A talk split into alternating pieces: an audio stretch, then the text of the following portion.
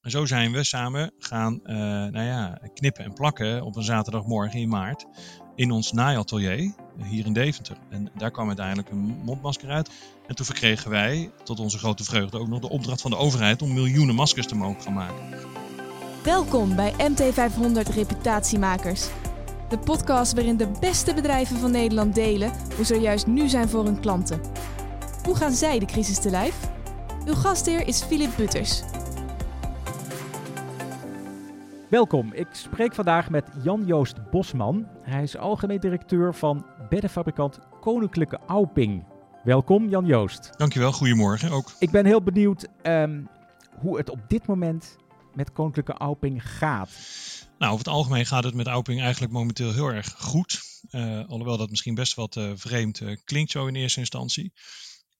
maar gelukkig is het zo dat ja, de consument, mensen eh, in de landen waarin we actief zijn momenteel toch veel geld uitgeven aan het, uh, aan het ja, uh, verfraaien van hun huis. En daar hoort de slaapkamer ook bij. Dus we zijn momenteel goed in staat om bedden en matrassen te verkopen. Dus dat gaat eigenlijk heel erg goed. Wat er natuurlijk wel de hele tijd speelt, is dat wij heel erg scherp moeten zijn op het, op het gezond houden, om het maar zo te zeggen, van ons bedrijf, van onze, van onze werknemersgroep. En dan natuurlijk met name in de fabriek. Uh, want wij kunnen niet uh, zonder de fabriek natuurlijk onze, onze business runnen, om het maar even zo te zeggen. Ja, wat ik, ik kan me voorstellen. Um, jullie hebben een prachtige fabriek in Deventer, maar ook een kantoor daarnaast. Nou ja, heel ouderwets misschien een beetje is het van, nou, je hebt de mensen op de vloer aan de machine en je hebt de mensen achter een scherm. Dan kan ik me voorstellen dat het voor die tweede groep werknemers vrij eenvoudig is, tussen aanhalingstekens, om, om vanuit huis te werken. Maar voor die fabriek ligt dat anders. Dus hoe leg je dat uit? Krijg je niet een, een soort twee, scheiding tussen de schermwerkers en de, de vloerwerkers? Ja, ja, ja, precies. Nee, volgens mij niet. Uh, wij waren al gewend om uh, uh, door middel van het nieuwe werken te werken bij Auping. Dus we hadden eigenlijk al een hele natuurlijke flow van ja, samenwerken ontwikkeld. Waarbij mensen van kantoorfuncties, om het maar even zo te noemen, al wat meer vrijheid en flexibiliteit kennen. En dat, dat was ook al een geaccepteerd goed, zeg maar, in ons bedrijf. Eh, het is zelfs zo dat ook uh, stafmedewerkers van, de, van onze fabriek uh, ook al natuurlijk thuis konden werken. En op die manier ook soms ook de, de, troepen goed konden aansturen. Dus we hadden daar eigenlijk al een natuurlijke balans in. en die is nu wat verder doorgevoerd. maar is voor ons geen vreemde geen vreemde zaak en dus ook heel goed geaccepteerd. Dus uh, je, je, krijgt geen scheve ogen. Dus, dus een operator in een fabriek die denkt niet van jeetje, ik moet, ik moet mijn werk doen uh, samen met de zorgmedewerkers en de vuilnismannen en, en nou ja, de politieagenten. Nee, zeker niet. Helemaal niet. En ik denk zelfs dat uh, de collega's die bij ons in de fabriek de bedden en matrassen maken, dat die juist misschien wel een stukje extra trots zijn dat ze in deze tijd nog kunnen en mogen komen werken. Uh, om de producten voor onze klanten te maken. Dat geeft ze ook een bepaalde mate van trots en dat ze er nog, uh, nou, en, dus dat ze er toe doen en dat ze bijdragen aan het succes van Auping. Dus ik denk dat het meer die kant op is eigenlijk dan andersom. Het gaat nu echt wat langer duren, dat werken op afstand. Hoe zorg jij dat, dat de cultuur van Auping, dat die toch behouden blijft? Dat mensen toch betrokken blijven, dat groepsgevoel, ja, ondanks dat je elkaar niet fysiek ziet. Uh, wat, wat, doen jullie om mensen echt erbij te betrekken en die cultuur levend uh, te houden? Nou, ik denk dat een heel belangrijk middel daartoe is gewoon communicatie. Uh, dus goed delen met onze mensen waar we staan, wat er gebeurt, uh, wat er goed gaat, maar ook wat er niet goed gaat. Maar vooral ook proberen het gevoel te behouden dat we onze verantwoordelijkheid, onze maatschappelijke rol moeten pakken, dat we zullen bijdragen om er doorheen te komen. En ik, ik, denk dat dat het belangrijkste is voor ons om te doen. het helpt natuurlijk dat we in een goede flow zitten met betrekking tot werk. Hè, dat we uh, veel bedden en matrassen momenteel mogen, ver, of mogen maken die verkocht zijn. Nou, ja, in hoeverre dat gaat volhouden, dat weet natuurlijk niemand. Dat is het onzeker aan deze periode. Maar vooralsnog kijken wij met veel vertrouwen in, uh, naar de, naar de uh, nabije toekomst, hè, naar de komende maanden wat dat betreft. En ik denk dat die combinatie van en het hebben van een goede voortgang in je strategie en een mooie omzetontwikkeling, waardoor er dus werk is en het bieden van werkgelegenheid. En zorgen dat mensen goed geïnformeerd blijven over waar we staan en wat er speelt. Uh, en daarbij dus echt reëel zijn. Hè? Dus uh, niet, niet mooi weer creëren of niet super naïef willen zijn, maar gewoon zeggen waar het op staat. Transparant zijn, open zijn. Ik denk dat dat uh, gaat helpen. Neem niet weg dat je soms natuurlijk wel te maken hebt met mensen die het even niet meer zien zitten. Hè? Dat, er, dat is natuurlijk zo. Dat is gewoon ook heel, ook heel menselijk en ook heel, heel reëel. Ja, dan moet je dan als managementteam en als leidinggevende gewoon even extra de schouders onderzetten en aandacht voor hebben met elkaar. Want het is, dat is denk ik wel wat hierbij hoort. Want jullie productie, die draait door. Is, is, hebben jullie geen glitches gehad? Geen uh, ja, beperkte aanvoer van, van, van halffabrikaten uh, door toeleveranciers die zelf uh, stilvielen? Nee, hebben we niet gehad. Het is wel een heel spannend onderdeel. We hebben onze fabriek hier in Deventer uh, ingericht volgens lean manufacturing, waarbij we op order produceren. Uh, dus alles wat wij maken hier in de fabriek is reeds gekocht door een consument. Uh, en daartoe gaan wij zo laat mogelijk pas inkopen, grondstoffen en dergelijke. Ons logistieke proces in deze is uh, super strak ingericht, ingeregeld. Dus zeker nu in deze tijden ligt natuurlijk het gevaar op de loer dat je ergens een hiccup krijgt in de aanlevering. En daar is geen sprake van geweest, maar het is wel een paar keer kritisch geweest. Dus we zullen daar, dus, dus, dus wij managen daar heel erg sterk op. Ja, want, we hebben natuurlijk heel veel gelezen over, over logistieke ketens die tot in China lopen. Ik kan me voorstellen, een bed, ja, daar zullen toch wel een hoop onderdelen aan zitten die inderdaad uit China komen. En, en die schepen die voeren niet, die containers die kwamen niet zes weken lang. Hoe hebben jullie dat gemanaged? Nou, sinds uh, uh, ik denk een jaar of 10, 15 zijn we heel bewust bezig met het verduurzamen van onze uh, bedrijfsstrategie. En daarmee bedoelen we dan eigenlijk dat we zo eh, zo, ja, zo duurzaam mogelijk willen produceren. En daar hoort wat ons betreft bij dat we ook zoveel mogelijk lokaal sourcen van onze grondstoffen. Dus we hebben een streven in de productie en in de, in de, ja, in de productie van onze bedden en matrassen om te werken met materialen die in een straal van 300 kilometer rondom Deventer uh, aangeleverd worden. Dat is in de praktijk niet altijd 300 kilometer, want we werken bijvoorbeeld met een aluminiumleverancier in Spanje of met een houtleverancier in Roemenië. Maar ons streven is om 300 kilometer binnen Deventer uh, te sourcen. En we voegen daar nu zelfs een nieuw hoofdstuk aan toe. En dat is met de productie en de introductie van ons eerste circulaire matras ter wereld, de Evolve. Daarmee streven we ernaar om te sourcen binnen een straal van 100 kilometer zelfs.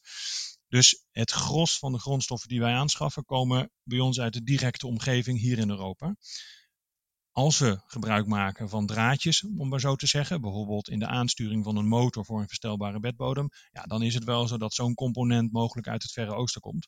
Maar daar houden we vaak ook weer wat meer voorraad van aan. Uh, dus daar is het probleem relatief klein. Wauw, ja, ik sta ervan te kijken dat dat nog kan. Hè? Dat, uh, ik, ik ben niet anders gewend dat dat ja, onvermijdelijk. Het hoeft ook geen probleem te zijn. Maar ja, deze tijden natuurlijk wel. Met, met onderbroken hè, disruptie van, van uh, logistieke ketens. Maar doen jullie dit uh, om inderdaad bestand te zijn tegen pandemieën. Dat lijkt me niet. Jullie doen dit vanuit duurzaamheidsoogpunt? Ja, absoluut. Ja, we doen het inderdaad vanuit dat perspectief. Om een zo uh, klein mogelijke uh, ja, negatieve impact zeg maar, op het milieu te genereren. En zo laag mogelijke CO2-uitstoot dus te, te, ja, te activeren. En daar komt het vandaan. Uh, daarnaast is het een, natuurlijk een extra USP, uh, een unique selling point voor ons. En dat is dat we vanwege het feit dat we zo kort op de markt zitten, met onze eigen organisatie in, in de landen waarin we actief zijn, en die toeleverancierstroom ook zo kort erop hebben zitten, zijn wij in staat om snel ook te kunnen reageren op veranderingen in de markt uh, en ook onze klanten beter te kunnen bedienen. Dus het heeft ook nog een marktbewerkingsvoordeel, vinden wij. ja, en in deze tijden ja, speelt dat extra mee, denk ik. Ja, en nu heeft het dan inderdaad dat, dat onverwachte extra voordeel dat, dat je bestand bent tegen ja, disruptie die, uh, die corona tot nu toe toch heeft opgeleverd. Ja. En uh, ja. jullie zijn koninklijk. Betekent dat dan dat uh, Willem-Alexander en Maxima in een Auping te bedden gaan? Nou, ik mag helaas niets vertellen over, over ons cliëntelen natuurlijk, aan wie wij leveren en, en, en waar we leveren. Uh, maar het is duidelijk dat uh, het, het, feit dat we een koninklijk bedrijf zijn, dat dat natuurlijk wel uh, in Nederland in ieder geval een groot voordeel heeft. En dat veel mensen ons daarom ook erkennen en ook voor ons kiezen. Maar jullie hebben het omdat jullie in ieder geval een keer 100 jaar bestonden. Niet omdat jullie hofleverancier zijn. Hè? Dat, dat was vroeger zo. Nee, dat klopt. Ja. Nee.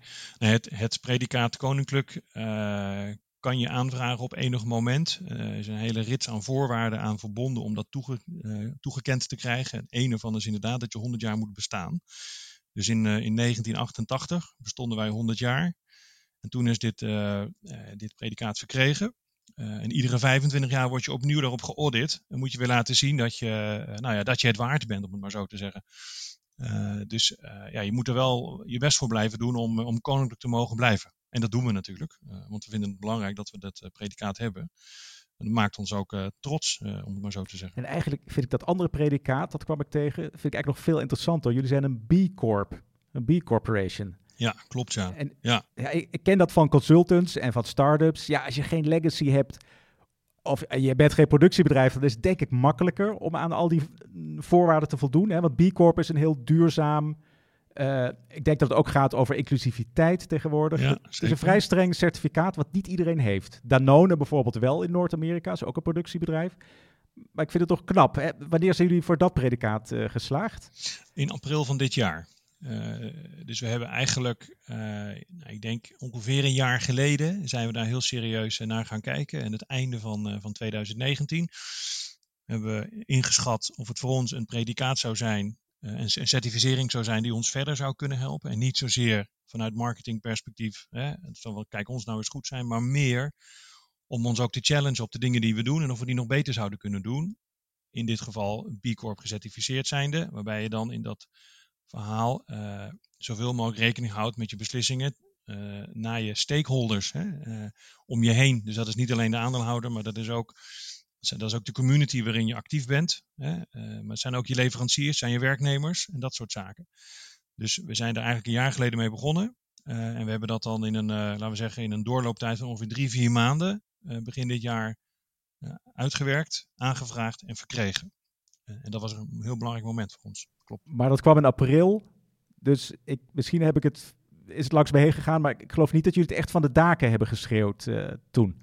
Nee, we hebben het wel, we hebben er wel wat over gecommuniceerd. Uh, maar ook uh, ja, voor ons geldt dat wij uh, ook moeten kiezen in hetgeen wat we brengen en wanneer we brengen. En we zouden heel veel mooie verhalen kunnen brengen. Maar als we dat te veel en te uitgebreid doen, dan zal het misschien wel wat verwarrend kunnen worden. ik moet ook zeggen, overigens, dat natuurlijk vanaf maart, toen we in de coronasituatie terechtkwamen, wij ook uh, op een aantal vlakken eerst even zeg maar, gas terug hebben genomen. We hebben de strategische uitrol van ons plan eigenlijk in stationair stand gezet. Om even aan te kijken hoe het de komende tijd eruit gaat zien. Dus uh, ik denk ook misschien dat het daar wat mee te maken heeft. In ons plan voor volgend jaar uh, zal men meer en meer gaan terugvinden dat wij B Corp gecertificeerd zijn. Ja, en nou ja, het is een beetje off-topic misschien, maar drie maanden lijkt me vrij snel. Dus jullie hoeven er niet echt enorme aanpassingen te maken in jullie manier van, van opereren en, en omgaan met stakeholders? Nou, het viel ons eigenlijk nog tegen, om eerlijk te zijn. Oh, oh okay. uh, wat we er nog uh, zeg maar extra voor moesten doen. Het is wel zo dat we inderdaad in de basis al op, op, op de verschillende onderwerpen waarop je geaudit wordt, uh, waarop je beoordeeld wordt, al best heel goed ervoor stonden. maar, maar dat was dan met name in het denken denk ik. En ook in het uitvoeren van de strategie, maar misschien nog wat minder goed in het vastleggen van de diverse onderdelen. En dat is een belangrijk onderdeel van de certificering om daarop punten te verkrijgen. Dat je niet alleen uh, zegt wat je doet, maar dat je ook laat zien dat je het doet en dat je het borgt in je, in je, in je organisatie. Uh, en een van de belangrijke stappen die we ook daartoe hebben moeten nemen, is dat we in onze bedrijfsstatuten hebben verankerd nu, uh, vastgelegd, dat wij in onze besluitvorming in strategie rekening houden met de mid- en lange termijn. De impact die we hebben op de langere termijn en niet zozeer op de korte termijn. En dat betekent dus dat je uh, nou, veel meer gaat balanceren in je besluitvorming tussen nou, profit versus purpose. En uh, dat was iets wat we natuurlijk ook met de aandeelhouders moesten bespreken en gevalideerd krijgen. Wat overigens in vijf minuten was geregeld, want het zit echt in ons DNA om dat te doen. Eh, maar dat stappen moest je ook nog nemen om te komen tot, uh, tot die finale certificering. Want die aandeelhouders, is dat een familie of is, het private equity? Ja, we zijn een Nederlandse familiebedrijf. Hè. Meer dan 80% van de aandelen is, zit bij de nazaten van de oprichter Johannes Auping. Hè, zesde, zevende generatie uh, nu.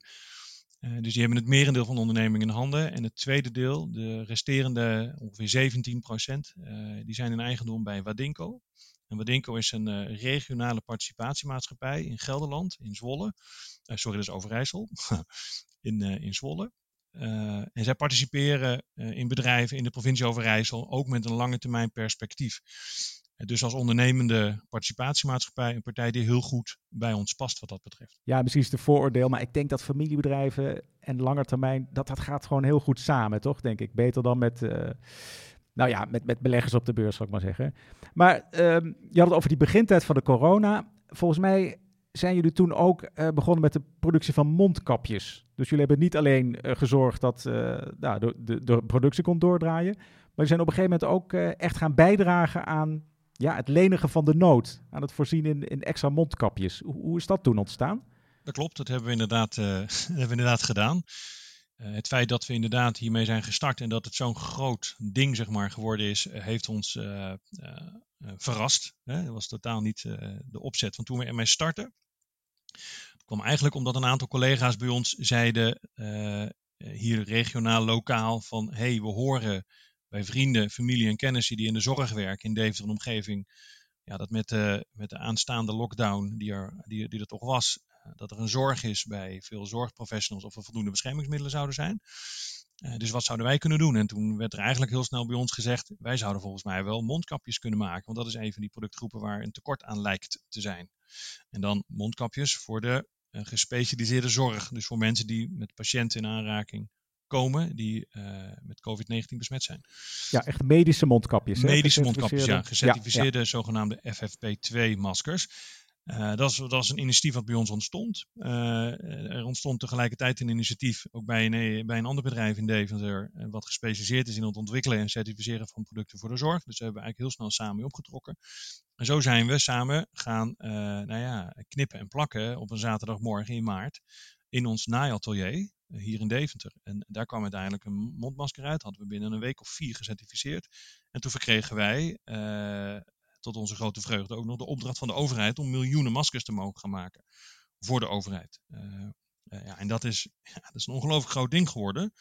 Wat uh, we natuurlijk wel gecreëerd hebben, maar tegelijkertijd ook een beetje van, ja, van toeval aan elkaar hing, zeg maar. Ja, dit was niet de afdeling marketing die dacht, goh, wat kunnen we eens bijdragen?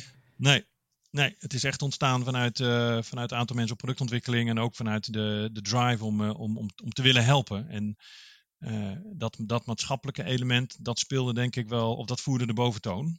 Uh, en daar is uiteindelijk dit uitgekomen. En, en wat, voor, wat voor aantallen, dus even vanuit de business case gedacht, wat, uh, het draait nog steeds? Ja, zeker. Ja, we draaien zelfs vol continu. Hè. We draaien 24-7. Voor het eerst in de historie van Auping draaien we vol continu. En nu sinds twee weken in de productie van uh, mond-neusmaskers. mijn aantallen, we hebben de opdracht verkregen in het begin om 4 miljoen stuks te produceren. Uh, het was een hele hectische tijd. Komt nu weer een beetje terug misschien, maar toen de tijd was het nog wat hectischer en onduidelijker natuurlijk. Uh, toen aangeboden om het te gaan produceren voor de overheid. We hebben overigens ons koninklijke predicaat misschien ook een beetje opgespeeld, als ik heel eerlijk ben. uh, maar we hebben ook toen gezegd, we zullen produceren en we laten zien welke kosten we maken en daar achteraf zonder winstoogmerk met jullie afrekenen. Dat, dat heeft gewerkt. Dus we hebben 4 miljoen stuks als opdracht gekregen. En we kregen al redelijk snel daarna ook een tweede opdracht voor nog een keer ruim 10 miljoen stuks. Dus we gaan bijna 15 miljoen stuks uh, maken dit jaar. En daar zitten we nu vol in de productie mee. Wauw. Maar is dat nog steeds zonder winstoogmerk? Of mag je wel een nee, marge? Tweede, nee, inderdaad. De, de tweede order is inderdaad met een bescheiden winstopslag. Uh, waarvoor wij overigens terug hebben gekregen de derde aansprakelijkheid voor het uh, gebruik van het masker. En dat was in de eerste orde bij de overheid belegd. Uh, dus er is een soort trade-off geweest tussen winst, risico nemen versus uh, nou ja, uh, derde aansprakelijkheid.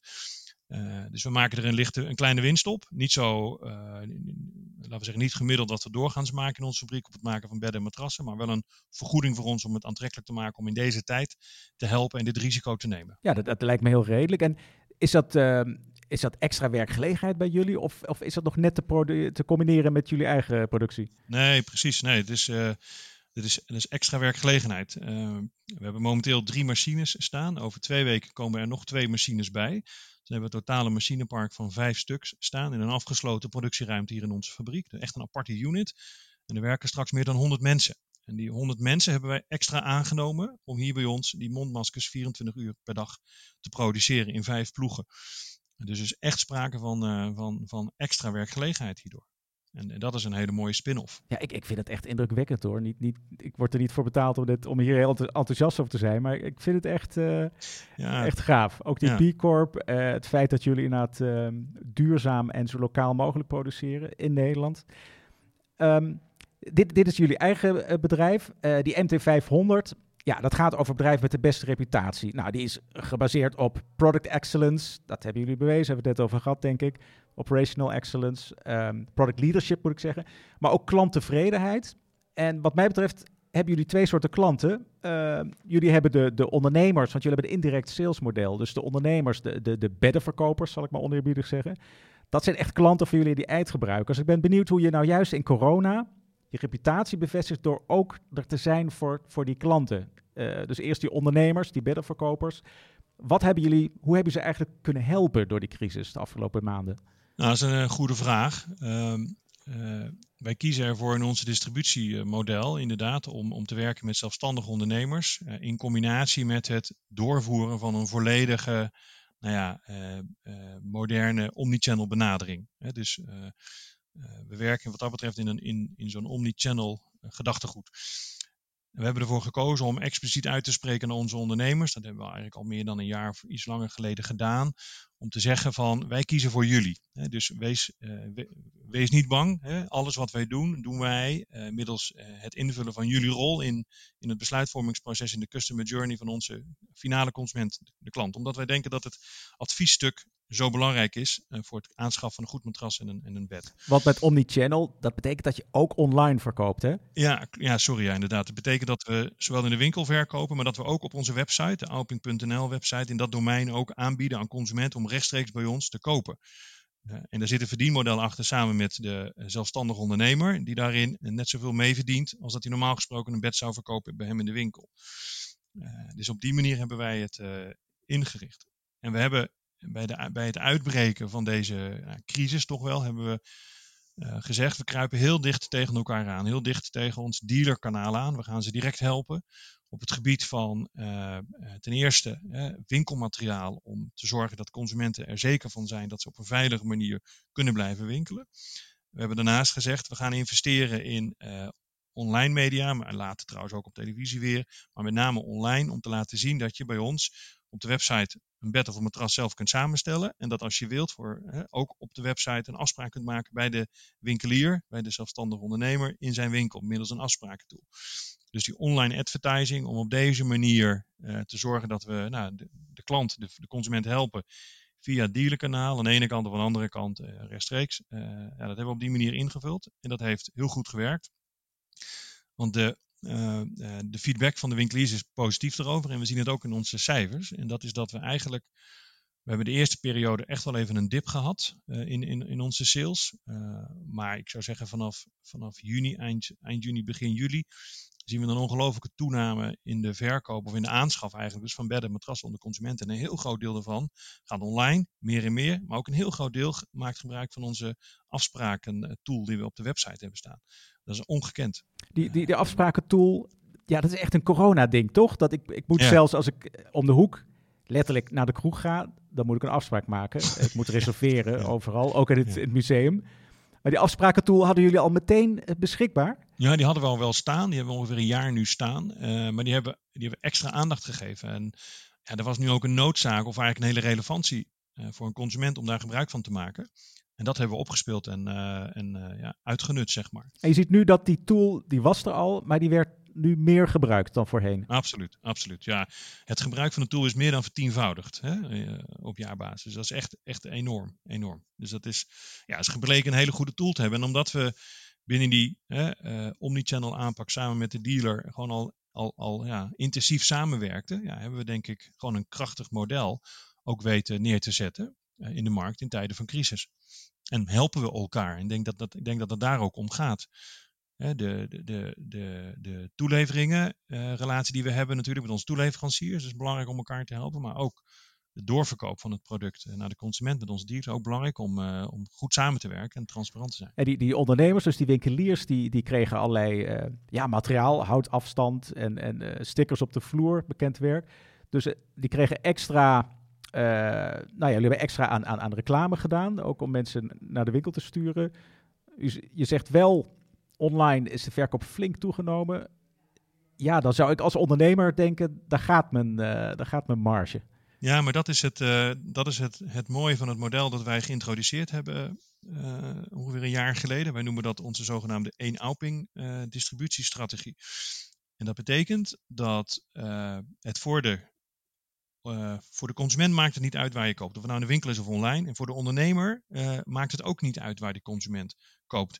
Want als de consument online bij ons koopt, dan moet hij in het betaalproces, in het afronden van de, van de order, aangeven welke winkelier in zijn directe omgeving hij als servicepunt aanwijst. En daar worden er vijf gepresenteerd en daar kiest hij er één van. En degene die die kiest is vaak degene die bij hem top of mind zit, die die kent, of dat een goede score heeft in, in Google met reviews bijvoorbeeld. Uh, dus op die manier kan die ondernemer door intensief met ons samen te werken uh, hoger scoren en er uh, zeker van zijn dat de consument sneller hem zal kiezen als servicepunt. En dat betekent dat als hij eenmaal gekozen heeft, dat de marge van de transactie, dus de marge die wordt gescoord op het verkoop van de bed en de matras, komt gewoon op de, in het potje van de dealer. Minus verrekening van logistieke kosten. Dus de ondernemer heeft geen angst meer om te denken van die order raak ik kwijt en die consument die gaat online bij Alping. Nee, nee, wij delen dat en we geven zelfs dezelfde marge terug. En, in theorie kan het dus zo zijn dat uh, ik koop gewoon online mijn volgende Alping. Uh, ik vul iemand in, maakt niet uit. Maar dat dus die ondernemer nog geen seconde met mij te maken heeft gehad als, als klant, als eindklant. En toch die marge krijgt. Dus zonder dat hij er een seconde uh, omkijken naar heeft gehad. Dat klopt, dat kan ja, inderdaad. Ja, dat klopt. Ja. Nee, grappig. En als je dan in de toekomst een vraag hebt of een eerste lijn service geval, dan ja, is dat in principe je eerste aanspreek. Uh, en daarnaast, we delen ook de NAW-gegevens natuurlijk. Daar moet de consument overigens wel akkoord voor geven natuurlijk, hè, in het kader van privacywetgeving in het selectieproces. Maar als dat wordt gedaan, dan worden die gegevens gedeeld. En heeft ook die ondernemer uh, een mooie klant erbij. En dan kan hij dan weer op zijn manier uh, aandacht aan gaan besteden. En te zorgen dat we een lange termijn relatie opbouwen met, met de betreffende consument. Nou, en dit model is gebleken zeer succesvol te zijn, want we hebben, een, echt een, we hebben met al onze bestaande dealers in Nederland opnieuw gesprekken gevoerd over deze strategie. En het merendeel, echt het ruime merendeel van de ondernemers is hij met ons ingestapt. Uh, en hebben dus een heel stevig model staan en ook een intensievere samenwerking dan daarvoor.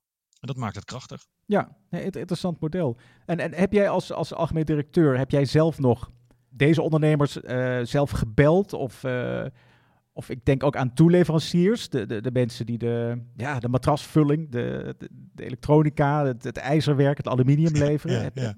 Nou, we houden daar natuurlijk heel nauwgezet uh, contact mee. Uh, zowel aan de toeleveringszijde, uh, op inderdaad op, op inkoopniveau, maar ook op managementniveau. En maar ook aan de verkopende zijde idem. Hè. Dus heel belangrijk denk ik om goed feeling te houden met hoe de markt zich beweegt. wat belangrijk is voor onze wederverkopers, de dealers in dit geval, maar ook wat de consument beweegt. En, en, en ja, daar hoor je ongelooflijk veel van via ons dealerkanaal. Want ja, daar is, daar is de consument in de winkel en, uh, en, en, en uit zich. Dus ja, heel belangrijk om daar gesprek over te voeren. En dat doe ik zelf ook, absoluut. We, hebben, we werken met een, uh, met een store franchise raad, zoals we dat noemen. Een franchise overlegorgaan. En, en daar zit ik ook uh, bij tijd en wijle bij. Ja, en op die manier heb je ook echt contact en feeling met, met de markt. Heel belangrijk in deze tijd. En de volgende vraag was over de, de toeleveranciers.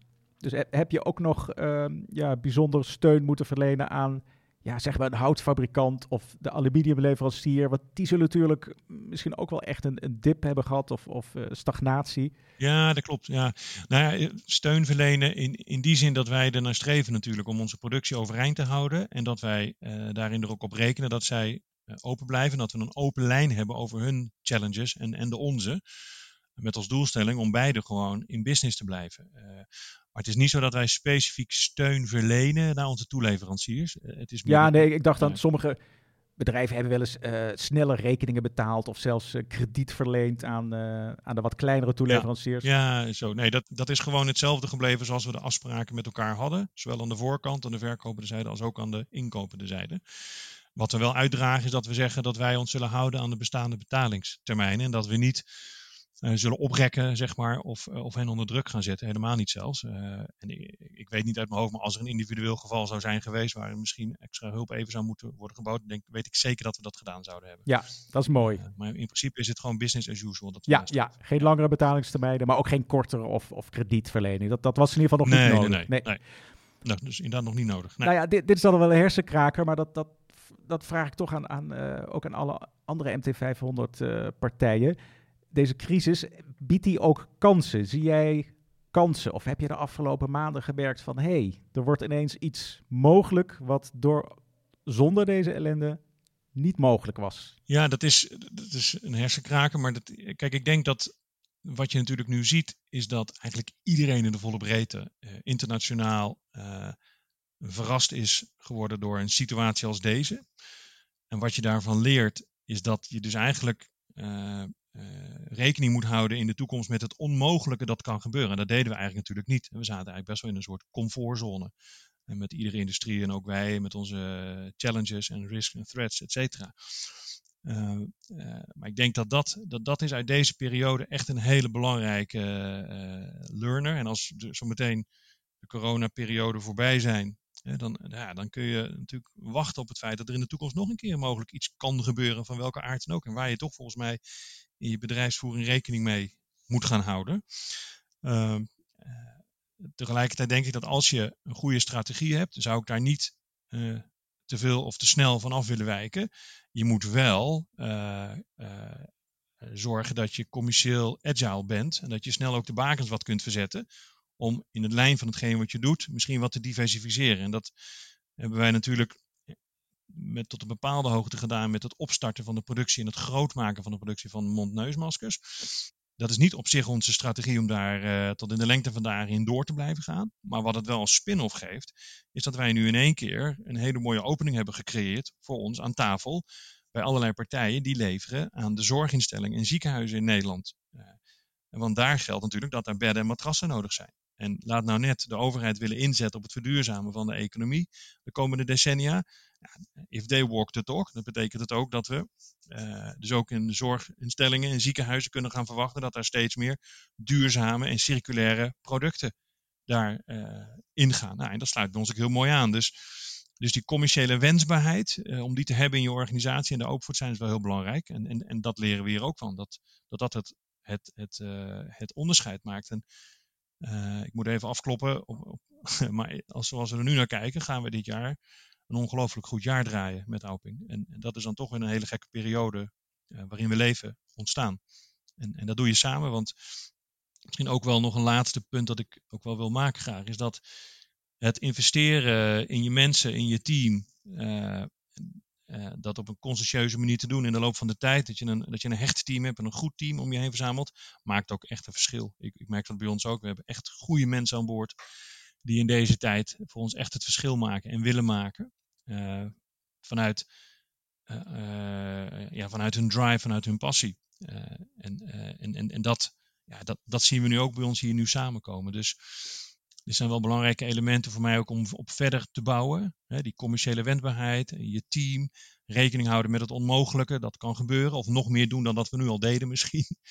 Dat zijn zaken die, die, die in de toekomst weer verder het verschil gaan maken. En misschien zijn het kleinere zaken, maar mij viel op um, dat die zo'n zo'n afsprakentool die ineens goed gaat lopen, die webshop hè, online, heel het algemeen, zijn dat dingen, ja, die horen bij de coronacrisis. Het versnelt innovatie, het versnelt online uh, sales. Maar dus ook zo'n zo'n afsprakentool is een voorbeeld van hoe dingen dan toch ineens sneller gaan. Uh, noodgedwongen misschien. Ja, inderdaad, een beetje noodgedwongen. Maar je ziet dat consumenten er ook echt klaar voor zijn. Uh, kijk, de vraag uh, is ook bij ons natuurlijk af en toe op tafel van hoe groot denken wij dat het online deel gaat worden. Uh, maar ik vind het eigenlijk niet zo relevant hoe groot ons online sales deel gaat worden. Ik vind het veel belangrijker dat wij de consument die wij centraal zetten zodanig faciliteren dat hij in alle rust kan kiezen en besluiten tot aanschaf van het beste bed dat bij hem of haar past. En of dat nou in de winkel is of, of online, en via een afsprakentool of, of niet. We moeten zorgen dat hij of zij zich er helemaal prettig bij voelt. En uh, uh, ja, in deze periode heeft dat aan het licht gebracht dat mensen er echt klaar voor zijn. Hè? Dus het inzetten van die verschillende middelen. en dat geeft vertrouwen. En dat is, ja, dat is dan een mooie learning die we nu ook extra meepakken. En, en als kans begrijp ik dus dat jullie een nieuwe marktsegment kunnen aanboren um, van, van de zorgsector. Da daar waren jullie nog niet, jullie waren nog niet echt een, zakelijke leverancier van, van dat soort uh, afnemers. Nee, we zijn uh, in 1888 ooit ontstaan als bedrijf door middel van het leveren van uh, stalen gezondheidsmatrassen aan een zorginstelling. Dus we zijn ooit begonnen in de zorg, maar dat is eigenlijk in de loop van de eerste jaren naar de achtergrond verdwenen. Nu is dat inderdaad een extra kans. We hadden dat wel ergens in ons achterhoofd zitten dat one day, hè, op één dag zullen wij wel weer opnieuw gaan kijken naar het betreden van de zorgmarkt. Ja, dat is nu versneld op ons gekomen. Is echt een kans. En we hebben het momentum. er is niemand van alle feedback die we hebben gekregen via social media of op allerlei andere platforms of in gesprekken. Er is niemand die heeft gezegd: Ik vind dat niet passen, dat Auping in de zorg actief is. Nee, er is niemand die dat zegt. Het is eigenlijk heel logisch. En dus we kunnen nu met dit momentum deze kans pakken en verzilveren. En dat zullen we ook proberen. Bedankt Jan Joost. Ik hoop dat je met Auping je klanten, partners en natuurlijk je eigen mensen nog heel lang een gezonde en goede nachtrust kunt blijven geven. En jij ook bedankt. Abonneer je vooral als je de andere MT500 podcast wil horen. Let goed op jezelf, op de mensen om je heen en natuurlijk ook op je klanten. Dan kom je het beste de crisis door. Hartelijk dank voor het luisteren. Deze podcast hoort bij de MT500, de lijst van Nederlandse bedrijven met de beste reputatie. De volledige lijst vind je op mt.nl/mt500.